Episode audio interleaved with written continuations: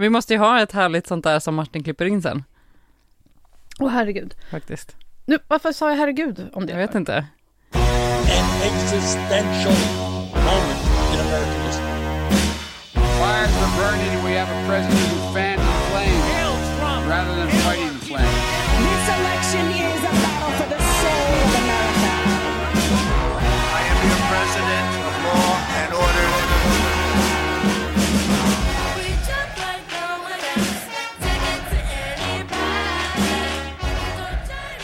Hej och eh, varmt välkomna till Trumpageddon.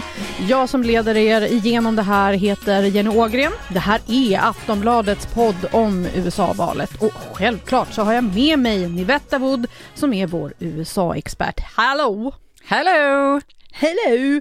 När vi spelar in det här så är det torsdag den 29 oktober och det betyder att det bara är några få dagar kvar till valet. Det känns verkligen som om hela världen håller andan och väntar på hur befolkningen i världens, än så länge, mäktigaste land kommer att rösta.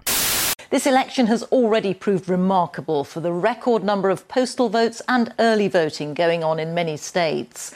While the Democratic candidate Joe Biden is currently leading President Trump in the national polls, that doesn't guarantee victory. The race is very much still on. Mätningarna visar fortfarande på fördel för utmanaren Joe Biden, men alla vet att man inte helt och hållet kan räkna med mätningarna. Och vi ska heller inte räkna ut Donald Trump. Det vanligaste är ju ändå att den sittande presidenten blir omvald. I det här avsnittet så ska jag och Nivette gå igenom vad som hänt de senaste dagarna och så ska vi försöka reda ut hur det kan bli om Joe Biden faktiskt vinner. Blir det världsfred? Kommer allt lösa sig om han vinner? Blir USA kvar i Parisavtalet? Rivs den påbörjade muren vid gränsen till Mexiko? Blir Twitter fullständigt meningslöst? Ja, Nivette ska få reda ut för oss vad som kan hända om Biden blir USAs 46 president i ordningen. Nivette, vi ska börja med att uppdatera oss Mm. lite på läget så vi kör igång. Hur är läget? Jo, men jag mår bra tack.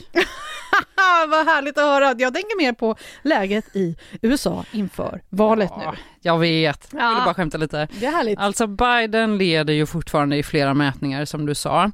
Och kandidaten är ju verkligen på slutspurten av sina kampanjer och eh, nu riktas ju alla blickar såklart eh, mot vågmästardelstaterna och där är ju Florida en väldigt viktig delstat. Eh, framför allt för Donald Trump, för att det är få republikanska presidenter som har vunnit valet utan att vinna Florida. För Joe Biden så finns det liksom lite andra vägar som han kan gå. Eh, han måste liksom inte riktigt vinna Florida på samma sätt som Donald Trump eh, faktiskt måste det. Och för att krydda till det ännu mer så är det såklart oerhört jämnt just nu mellan de två i Florida. Ja, varför ska det inte få vara spännande hela vägen in, tänker jag.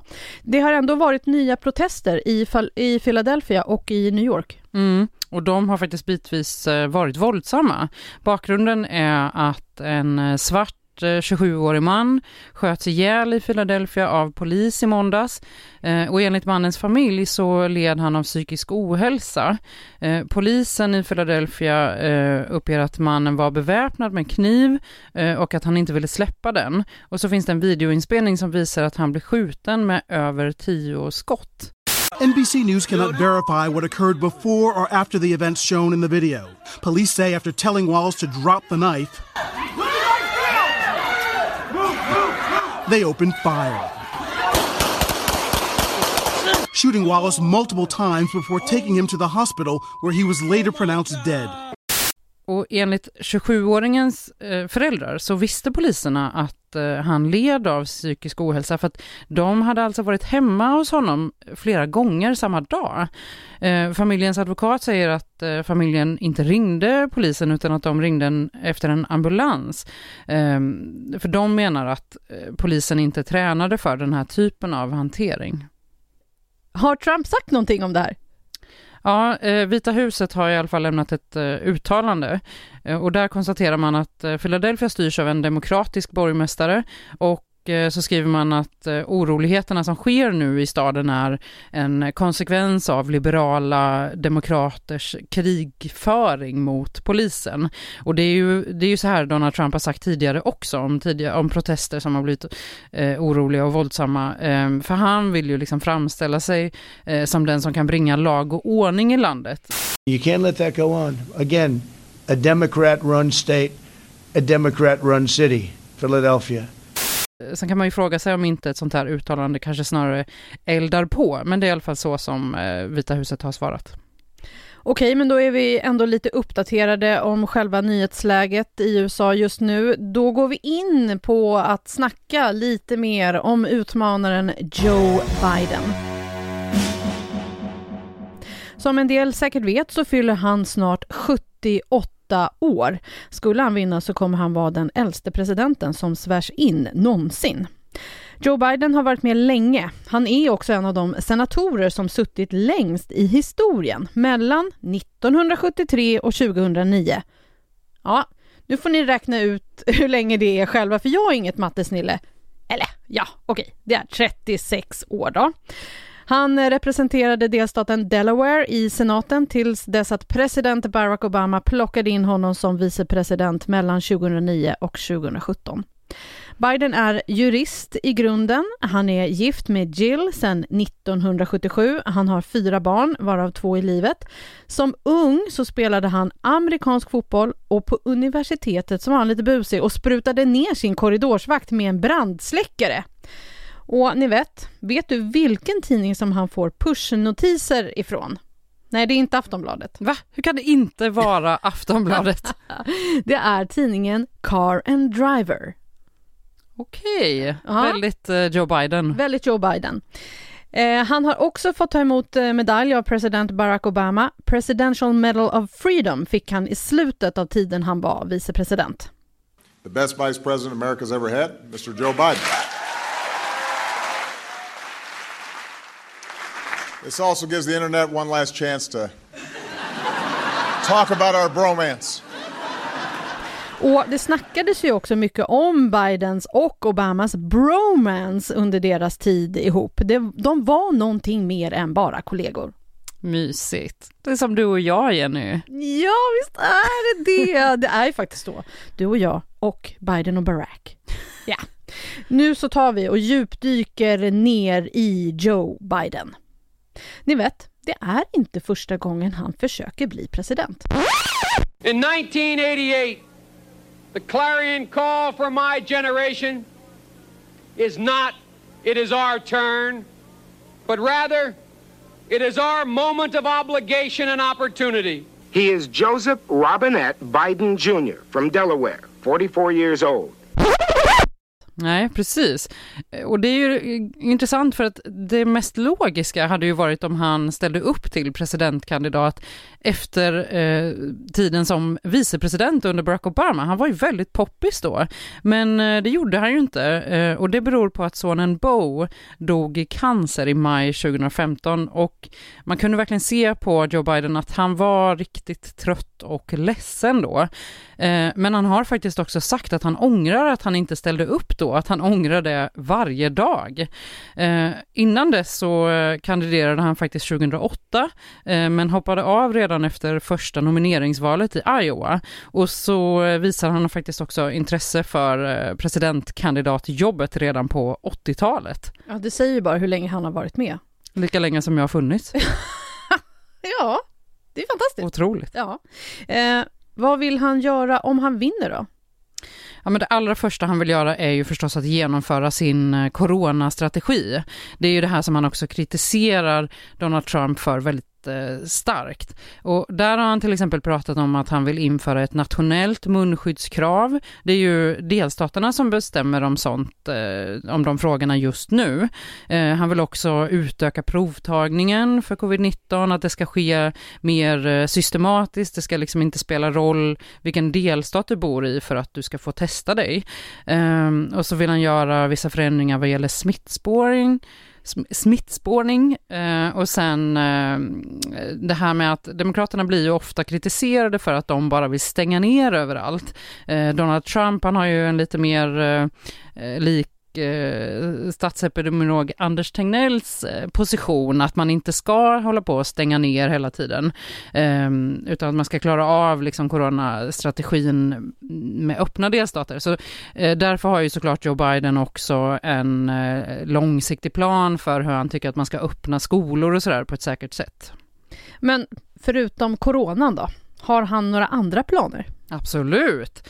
Eh, väldigt många av hans eh, planer och idéer handlar ju om att vända på sånt som Donald Trump enligt Joe Biden har förstört. Eh, till exempel så vill ju Joe Biden inte att USA ska lämna Parisavtalet, alltså om klimatförändringar.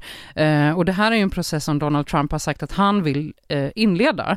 Eh, och, men den inleds faktiskt inte praktiskt förrän den 4 november, alltså dagen efter valet. Och eh, det kommer ju Joe Biden, om han blir vald, Eh, snabbt försöka eh, sätta stopp för. Eh, för att han eh, vill att USA ska återta den platsen som, som man har haft som supermakt i världen och, och hålla de här globala avtalen som man har ingått. Ehm, och sen så är också frågan om sjukvårdsförsäkring väldigt viktig för eh, Joe Biden. Eh, där har ju Donald Trump på många sätt eh, försökt avbryta Obamas politik. Det har han också gjort i miljöfrågor till exempel. Men just eh, vad gäller sjukvårdsförsäkringen så har eh, Donald Trump verkligen eh, jobbat aktivt för att eh, riva upp det som i folkmun kallas för Obamacare. Eh, Biden då, han vill istället eh, han vill införa Bidencare som han kallar det. Eh, och med det så menar han eh, bland annat att fattiga och äldre ska inkluderas i de eh, program som redan finns för dem, eh, men också att det ska finnas ett eh, offentligt alternativ istället för enbart privata eh, sjukvårdsförsäkringsalternativ som ju är det som är det vanligaste idag i USA, att man till exempel då får eh, sjukvårdsförsäkring via till exempel sitt jobb. Du nämnde ju det här med eh, klimatavtalet. Eh, vi vet att Donald Trump inte tror på det här med global uppvärmning, men det gör ju alltså Joe Biden. Vad kan det här innebära för eh, USAs miljöpolitik? Mm, alltså de har ju verkligen helt olika bild av klimatfrågan. Eh, Donald Trump har ju kallat den för en eh, bluff. Han har också sagt att han vet eh, kanske mer än vad vetenskapsmännen vet. Eh, Medan Joe Biden, han pratar ju, eh, han har en ganska gedigen eh, klimatplan och pratar om att han vill satsa på gröna jobb, alltså jobb inom eh, förnyelsebar energi, fossilfri energi. Eh, han har då den här klimatplanen för hur jobben inom den här industrin ska bli både hållbara, liksom en, en, en framtidstrygghet, men också välbetalda. Han, han pratar om så här good paying jobs. och så vill han liksom ställa om då ekonomin för det här och, och skapa fler jobb i fossilfria industrier. Han vill också fasa ut eh, olje och gasindustrin på sikt. Men hur mycket kan Joe Biden göra i början? För jag tänker att det händer en hel del med kongressen i valet och en del personer kommer bytas ut där. Så vad kommer hända? Mm. Det pågår ju också ett, ett val till senaten. Eh, för så här ser det ut just nu att eh, i kongressens två kammare så är det att Eh, i representanthuset där har eh, Demokraterna eh, majoritet och i senaten så har Republikanerna majoritet. Eh, och i senatsvalet så är det ganska så tajt och det kan faktiskt bli så att det blir eh, demokratisk majoritet och då skulle ju det bli fest för Demokraterna om de får en eh, demokratpresident i Joe Biden och sen också kontrollerar båda kamrarna. Eh, då kommer ju de kunna få igenom ganska mycket, men det är absolut inte så att det blir liksom fritt blås, utan de måste ju också samarbeta om, om lagförslag och sådär. Eh, men det blir ju lättare för dem att få igenom eh, beslut förstås. Eh, annars så har ju presidenten också alltid möjlighet att skriva sådana här dekret, alltså presidentordrar. Eh, det gjorde till exempel Obama Obama under eh, den period när eh, Demokraterna inte hade majoritet i båda eh, kamrarna. Eh, och eh, men sådana kan ju liksom rivas upp eh, sen då av nästa president och det har vi ju sett nu att, att president Donald Trump har gjort flera gånger. Vilka andra avtal som Trump har lämnat vill Biden tillbaka till? Joe Biden var ju också med och skrev, eh, eller slöt det här globala avtalet om Irans kärnenergiprogram, eh, som Donald Trump har kallat eh, världshistoriens sämsta avtal och som han har tagit ut USA ur. Det har Joe Biden sagt att han eh, vill att USA ansluter sig till igen, för det finns ju kvar, men det är ju ganska tandlöst utan supermakten USA. Eh, och sen så finns det fler eh, ja, men, samarbeten som Joe Biden vill att USA ska få en bättre roll i. Eh, han vill liksom helt enkelt eh, säger han, att USA ska ut på banan igen. Att Donald Trump har liksom slutit USA, menar Joe Biden. Eh, men men sen så har han inte sagt jättekonkret vad han vill i utrikespolitiken, för där i utrikespolitiken så har presidenten ganska mycket eh, makt faktiskt. Um, men han pratar ju väldigt mycket om att utrikespolitik handlar om relationer och att Trump har förstört de relationerna eh, eftersom han hellre då flörtar med diktatorer enligt Joe Biden än att till exempel eh, ha bra relationer med så här, NATO-allierade. Trump har ju sagt att eh, NATO-länderna borde betala mer till exempel och att USA ska backa undan. Liksom. Det kommer bli en förändring helt enkelt om Biden vinner. Absolut. Mm. Vill man eh, ta tillbaka, vill man tillbaka till ett USA som det såg ut innan Trump blev president eller vad kommer hända, vad tror du? Nej, alltså det är inte så att Joe Biden vill, vill liksom stryka ett streck över de fyra år som har varit. Det vore ju väldigt konstigt om en politiker sa så, men han vill ju verkligen ta USA i en helt annan riktning än eh, vad Donald Trump har gjort. Till exempel så eh, kampanjar ju Donald Trump väldigt mycket på eh, att han har sänkt skatter och att han vill fortsätta sänka skatter, medan Joe Biden, han vill ju höja vissa skatter, som till exempel den federala inkomstskatten och även bolagsskatten. Han vill helt enkelt, om man ska sammanfatta det, höja skatten för de som är rikast. Eh, men sen så finns det faktiskt delar av eh, Joe Bidens politik som inte är helt olik Donald Trumps politik. Till exempel då när det kommer till det här med att skapa jobb, som det här älskar ju politikerna att prata om. Eh, där vill ju Donald Trump väldigt tydligt att jobben inte ska flytta utomlands. Han pratar ju mycket om America first. Och eh, Joe Biden har ett motto där som heter Build back better. Eh, och det handlar ju eh, om att USA, alltså att amerikansk tillverkning och ekonomi ska prioriteras, att, att folk ska helst köpa amerikanskt i första hand eh, och att hon då vill göra liksom vissa förändringar så att amerikanska företag ska få det bättre. Och den här approachen är eh, alltså dels relativt ny och eh, inte jätteomtyckt av USAs allierade runt om i världen. Därför att USA har ju en tradition av internationella handelsavtal med andra länder och, eh, och det vill ju liksom resten av världen gärna ha kvar. Eh, så det här är verkligen, det är som en linje som, som Trump har ritat upp och som Biden inte vill stryka över utan kanske snarare ta vid. Mm. Får vi se hur det blir med just det då. En annan fråga som ju ständigt är på agendan i USA och kanske har varit lite extra de här senaste veckorna, det är ju abortfrågan. Det är många som är oroliga för vad som kommer hända med aborträtten nu när konservativa Amy Coney Barrett blivit invald i högsta domstolen. Var står Joe Biden i den här frågan? Han tycker ju att alla kvinnor ska ha rätt till abort. Eh, han vill också i den här hälsoplanen som jag nämnde förut eh, öppna upp, eh, kan man säga, Obamacare i den här frågan. Eh, idag så ingår preventivmedel i eh, en Obamacare sjukvårdsförsäkring, eh, men Biden vill också att kostnader för preventivmedel ska ingå i den här offentliga sjukvårdsförsäkringen som han vill införa. Sen apropå Högsta domstolen så är det också intressant det här som har kommit upp eh, framförallt nu när Amy Coney Barrett valdes in, att eh, vänstern inom Demokraterna, de vill att eh, Demokraterna, de, när de har makten, eh, ska utöka, utöka antalet ledamöter i högsta domstolen. Och det här är någonting som Joe Biden eh, tidigare har varit emot, men nu så ger han liksom inget riktigt tydligt svar i frågan. Eh, för han tycker då att om han eh, skulle svara på den frågan så skulle det ta utrymme från andra viktiga frågor. Eh, han har också sagt för övrigt att han ska svara på det här före valet, men det är ju väldigt kort tid kvar, så det är ju väldigt tveksamt om han, om han gör det. Och anledningen till att man vill då eh, utöka Högsta domstolen är för att svara emot att det nu är eh, så många konservativa domare. De har ju majoritet, nu. Eh, men den här frågan är eh, någonting som eh, Donald Trump har kunnat pressa Joe Biden ganska mycket på. Eh, att, att det inte kommer något rakt besked där. Och anledningen till att han gör det, det är ju för att HD-frågan är jätteviktig för väljare, framför allt för republikanska väljare.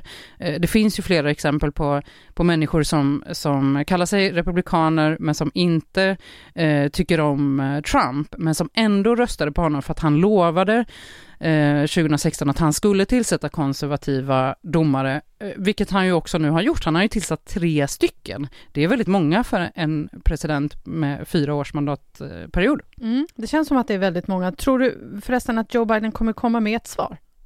Mycket tveksam till det. Mm. Det är så kort tid och han, ja. vill ju, han vill ju helst undvika frågan. Det är mm. därför han gör så här. Sen måste jag bara fråga, Biden är snart 78 år. Du och jag har ändå följt de demokratiska presidentkandidaterna under förra hösten och våren. De var ju så många den här gången. Hur kommer det sig att de inte lyckades ta fram en yngre kandidat och kanske även lite roligare? Vadå, tycker du att Biden är trist eller? N inte när man ser honom ihop med Obama. Nej, då var han kul. Då var han kul. Men, mm. ja, men du fattar vad jag menar. Ja, jag fattar vad du menar. Ja. Jo, men det är ju så att eh, startfältet för Demokraterna, det var verkligen enormt den här gången. Eh, och det är väldigt intressant för att eh, av flera anledningar. Dels att många kvinnor kandiderade, men också att det var en sån väldigt bredd bland kandidaterna. Till exempel att någon som Biden, eller förlåt, Bernie Sanders eh, kandiderade. Han är ju liksom väldigt vänster i jämförelse med de andra kandidaterna. Och också gammal. Och eh, också väldigt gammal. Eh, men Joe Biden är en kompromiss av det här kan man säga. Alltså han har en politisk tyngd eh, som partiet menar behövs för att utmana en president som Donald Trump. Sen är han också omtyckt eh, av väljare och såklart inom partiet. Eh, och så är det ju faktiskt, det är också så att alltså, ålder har eh, liksom inte riktigt en lika stor grej i USA eh, som det är i Sverige. Om vi bara jämför så är Donald Trump eh, den just nu eh, äldsta sittande presidenten som, som landet har haft. Sen en till sak är att Demokratiska partiet är väldigt splittrat fortfarande efter Hillary Clintons kandidatur. Och det märks, alltså inte bara att man är chockade över att eh, hon liksom fick eh, egentligen många fler röster än Donald Trump, men att hon ändå inte vann. Eh, det var också, man chansade på att, att eh, en kvinna fick kandidera. Eh, och, och, det finns så många olika åsikter just nu inom partiet. Det är säkert en, en intressant utveckling, men det är en, en splittrande utveckling också. Alltså, man vill få med de unga, man vill få med afroamerikaner, men man vill också få med de som har tröttnat på Donald Trump eh, och som kanske har varit eh, republikaner förut. Och där ses Joe Biden som en bra kompromiss. Är det så att det finns en liten plan här att han lägger av vid 80 och lämnar över till sin vicepresidentkandidat eh, Kamal Harris om han vinner? My name is Joe Biden. I'm Jill Bidens husband and I am Kamala's running mate. you all think I'm kidding, don't you? Ja, alltså nu har inte jag insyn i eh, den de demokratiska partitoppen, Nej, även om man kan tro det förstås. Jo, det tror vi. Mm. men ja, det här diskuteras ju absolut och det har också faktiskt flera bottnar för att eh, det var ju eh, så att det, som det pratades så var det i princip tvunget att Joe Biden skulle välja en kvinnlig vicepresidentkandidat eh, till exempel. Eh, för det var någonting som, som helt enkelt krävdes inom partiet, att det här vi måste vara så här progressiva nu. Um, och, och sen då, eh, att han är så pass gammal som han är, det, det gör ju frågan om en efterträdare mycket mer aktuellt. Alltså vanligtvis så är det ju Eh, så att vicepresidentkandidaten brukar inte vara en så här superspännande fråga, utan eh, det är väldigt mycket upp till presidenten hur mycket eh, makt vicepresidenten ska få. Liksom. Men skulle det vara så att Joe Biden blir vald, sitter i fyra år som president och sen liksom inte pallar att ställa upp för omval, det, det, är ju faktiskt, det är inte omöjligt. Då behövs ju en tydlig efterträdare. Ehm, för som du sa förut, det är ju ofta så att den sittande presidenten väljs om, så att man måste ju ha en bra och tydlig kandidat där om det inte är Joe Biden. Det här är ju hypotetiskt liksom, mm. men och då snackas det om att det här är den bästa vägen för Kamala Harris att liksom läras upp.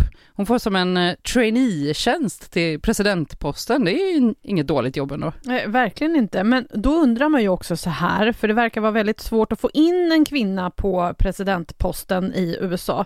Tror du att den här sättet att få in henne via vicepresidentposten skulle kunna vara ett sätt. Ja, nu är vi, nu är vi uppe bland de liksom, eh, riktigt svåra frågorna. Men eh, ja, alltså det är nog många som tänker så. Eh, därför att det förra sättet när Hillary Clinton kandiderade, det funkade ju uppenbarligen inte. Så att det är ju absolut eh, något som liksom lyfts fram, att det här kanske blir det sättet som USA får sin första eh, kvinnliga president. Men vi vet ju inte, för att det här har ju inte skett förut. Liksom. Jag tror inte alls några paralleller här nu till tv-serien House of Cards. Nej, nej, nej. eh, då så ska vi kolla lite på Joe Bidens son Hunter Biden. Vad är det egentligen som har hänt kring Hunter Biden? Oh. Ja, jag vet att Herregud. du suckar och är ganska så trött på det här. Hunter Biden. Hunter Biden, han eh, har ju varit eh, Donald Trump och eh, faktiskt delar av det republikanska partiets favoritslagpåse under flera år. Eh, förut så eh, handlade det ju om eh, att Hunter Biden suttit i styrelsen för eh, ukrainska gasbolaget Burisma och att han då eh, skulle ha gynnats av att eh, pappa Biden eh, var vicepresident. Eh, och nu då så har eh, New York Post skrivit eh, lite liknande artiklar igen eh, och och eh, utgått ifrån en eh, hårddisk som påstås, alltså den påstås vara Hunter Bidens. Eh, och då så liksom plockar man upp de här anklagelserna om att familjen Biden är korrupt. Ligger det någonting i det? Mm, ja, alltså för det första så är liksom sanningshalten i de här uppgifterna ifrågasatt. Det är ju så att eh, Trumps eh, närmaste advokat eh, Rudy Giuliani, han har haft en stor del i det här avslöjandet med hårddisken. Eh, och där har eh, Donald Trumps eh, egen säkerhetsrådgivare Robert O'Brien, han har varnat för att Giuliani, när han varit eh, igång och, och letat upp liksom smuts om eh, Biden, att han samtidigt kan ha varit utsatt för en rysk eh, påverkansoperation. Sen vet man inte säkert om det är Hunter Bidens hårddisk. Eh, och sen så har faktiskt också eh, frågan eh, förra gången när, när det här Burisma var på tapeten, eh, då utreddes frågan av senaten där republikanerna har majoritet. Ehm, och då tittade man på om det kunde innebära en intressekonflikt att Hunter Biden satt i den här styrelsen samtidigt som eh, Joe Biden var vicepresident. Men man kom fram till att det inte påverkade några beslut från USAs sida under Bidens tid som eh, vicepresident. Men det här måste ju ändå påverka Joe Biden. Ja, det är klart att det är besvärande för eh, Joe Biden att det här kommer upp då och då, att han måste liksom eh, prata om det och att han måste hela tiden säga att den här utredningen kom inte fram till någonting, jag har skött mitt jobb fläckfritt och, och framförallt att hans son liksom blir symbolen för en eh, kriminell och korrupt familj, även om det inte stämmer så blir det ju den bilden. Eh, och Donald Trump han älskar ju att ta upp det här, han, han pratade om det till exempel under den eh, sista debatten, men Sen är det också så att de som eh, inte följer till exempel Fox News eller andra konservativa medier, de har kanske inte riktigt hängt med i det här, för att det har inte riktigt blivit en stor nyhet i alla medier. Det har liksom inte blivit den här stora bomben liksom, som har slagit ner, utan det finns eh, de som vet mycket om det och som gärna sprider det, men så finns det också antagligen en grupp som, som inte vet så mycket om det och är lite som du, så här, vadå det här med Hunter Bidens dator liksom. Mm. Eh, så frågan är om det här påverkar väljare nu liksom under valet. Jag, jag är lite tveksam till det. Jag tror att det snarare är så att Trump kanske pratar till de som redan är eh, frälsta, de som eh, redan har bestämt sig och att det bara liksom är en del av eh, hans sätt att smutskasta Joe Biden. Nu har vi gått igenom lite om vad Joe Biden vill om han blir president. Eh, vad finns det för någonting som talar emot Joe Biden? Ja, men det är ju eh, förstås det här då att en sittande president oftast blir eh, omvald. Eh, nu är det ju en väldigt speciell tid, det är coronapandemi, eh, men innan dess så, så var ju Trump, eh, det såg ju bra ut för Trump, ekonomin gick bra i USA till exempel. Eh, så den faktorn finns. Ehm, och sen kan det ju också vara så att eh, Joe Biden, precis som eh, Hillary Clinton, eh, vinner i fel delstater. Det skulle kunna bli så att han får the popular vote, alltså att han får eh, fler röster än eh, Donald Trump. Hillary Clinton hon fick ju nästan tre miljoner fler röster än Donald Trump, men att han får dem då i fel delstater. Och det här Eh, det kan ju bli så om han till exempel underskattar sina väljare, eh, de som han liksom har lite kanske tagit för givet eh, och att de går ut och röstar. Det är ju extra knepigt att rösta i år, återigen på grund av coronapandemin. Eh, men att han eh, ja, men liksom lutar sig lite för mycket på opinionsmätningarna, tar vissa trogna väljare för givet. Vi har sett det till exempel i gruppen afroamerikaner, att det kan vara lite sådär att de, man tänker att de alltid liksom röstar på Demokraterna och så kanske inte alla alltid gör det. Det är inte konstigt, eh, det är lite rörigt med det amerikanska valet, det är alltid det. Det är inte så konstigt att man är lite förvirrad eh, från och till.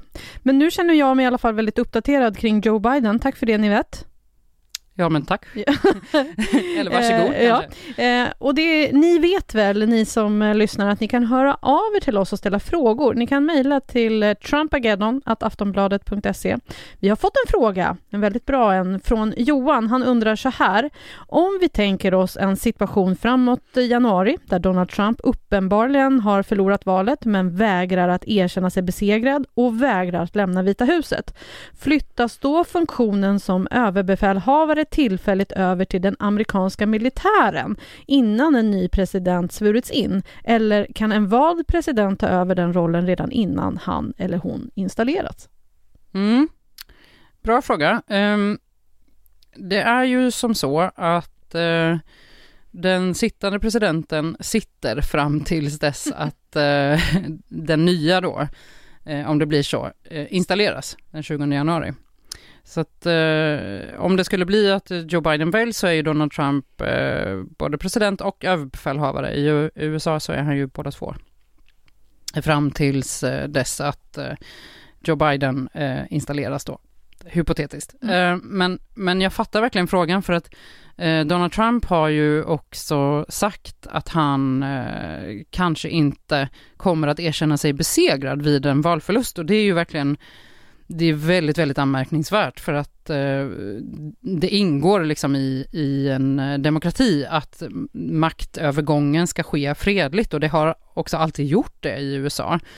Eh, så det här är ju väldigt, väldigt allvarligt och också vad händer om Trump stannar kvar i Vita huset, om han vägrar att flytta ut? Alltså det, det, vi vet inte det, för det har ju aldrig hänt. Men det mest troliga är ju faktiskt att, att militären helt enkelt får gå in och liksom plocka ut honom. Nu tror inte jag att det eh, kommer att gå så långt, ehm, även om vi som sagt, bara det att vi diskuterar det här är ju liksom oerhört.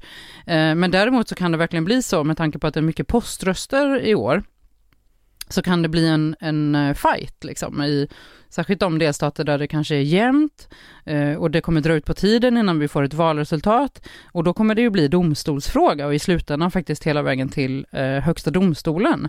Så det är ju verkligen en osäker tid vi har framför oss och vi kan absolut inte vara säkra på att vi har ett valresultat den 4 november. Skulle du säga att det här är det mest spännande valet någonsin? Ja, det kallas ju verkligen ett ödesval och det är det nog faktiskt väldigt mycket för att det är så många olika faktorer som är osäkra just nu. Men vi är inte osäkra. Nej, vi är, vi är här. Och vi är, vi är faktiskt klara för idag. Wow. Tack Nivette. Tack själv. Mm, du har lyssnat på Trumpageddon med mig, Jenny Ågren och Nivette Dawood. Nästa vecka, alltså självaste valveckan, då är vi tillbaka med flera avsnitt. Så det är viktigt nu att du följer oss i din poddspelare så du inte missar när något av Aftonbladets USA-podd kommer ut. Har du frågor så kan du självklart höra av dig till oss. Antingen så mejlar du oss på trumpageddon.aftonbladet.se eller så kan du skicka ett DM på Insta eftersom vi finns där också. Där heter vi trumpageddon podd. Nu fortsätter vi att ladda inför valdagen på tisdag. Ha det fint tills dess så hörs vi snart igen. Bye bye! Bye bye!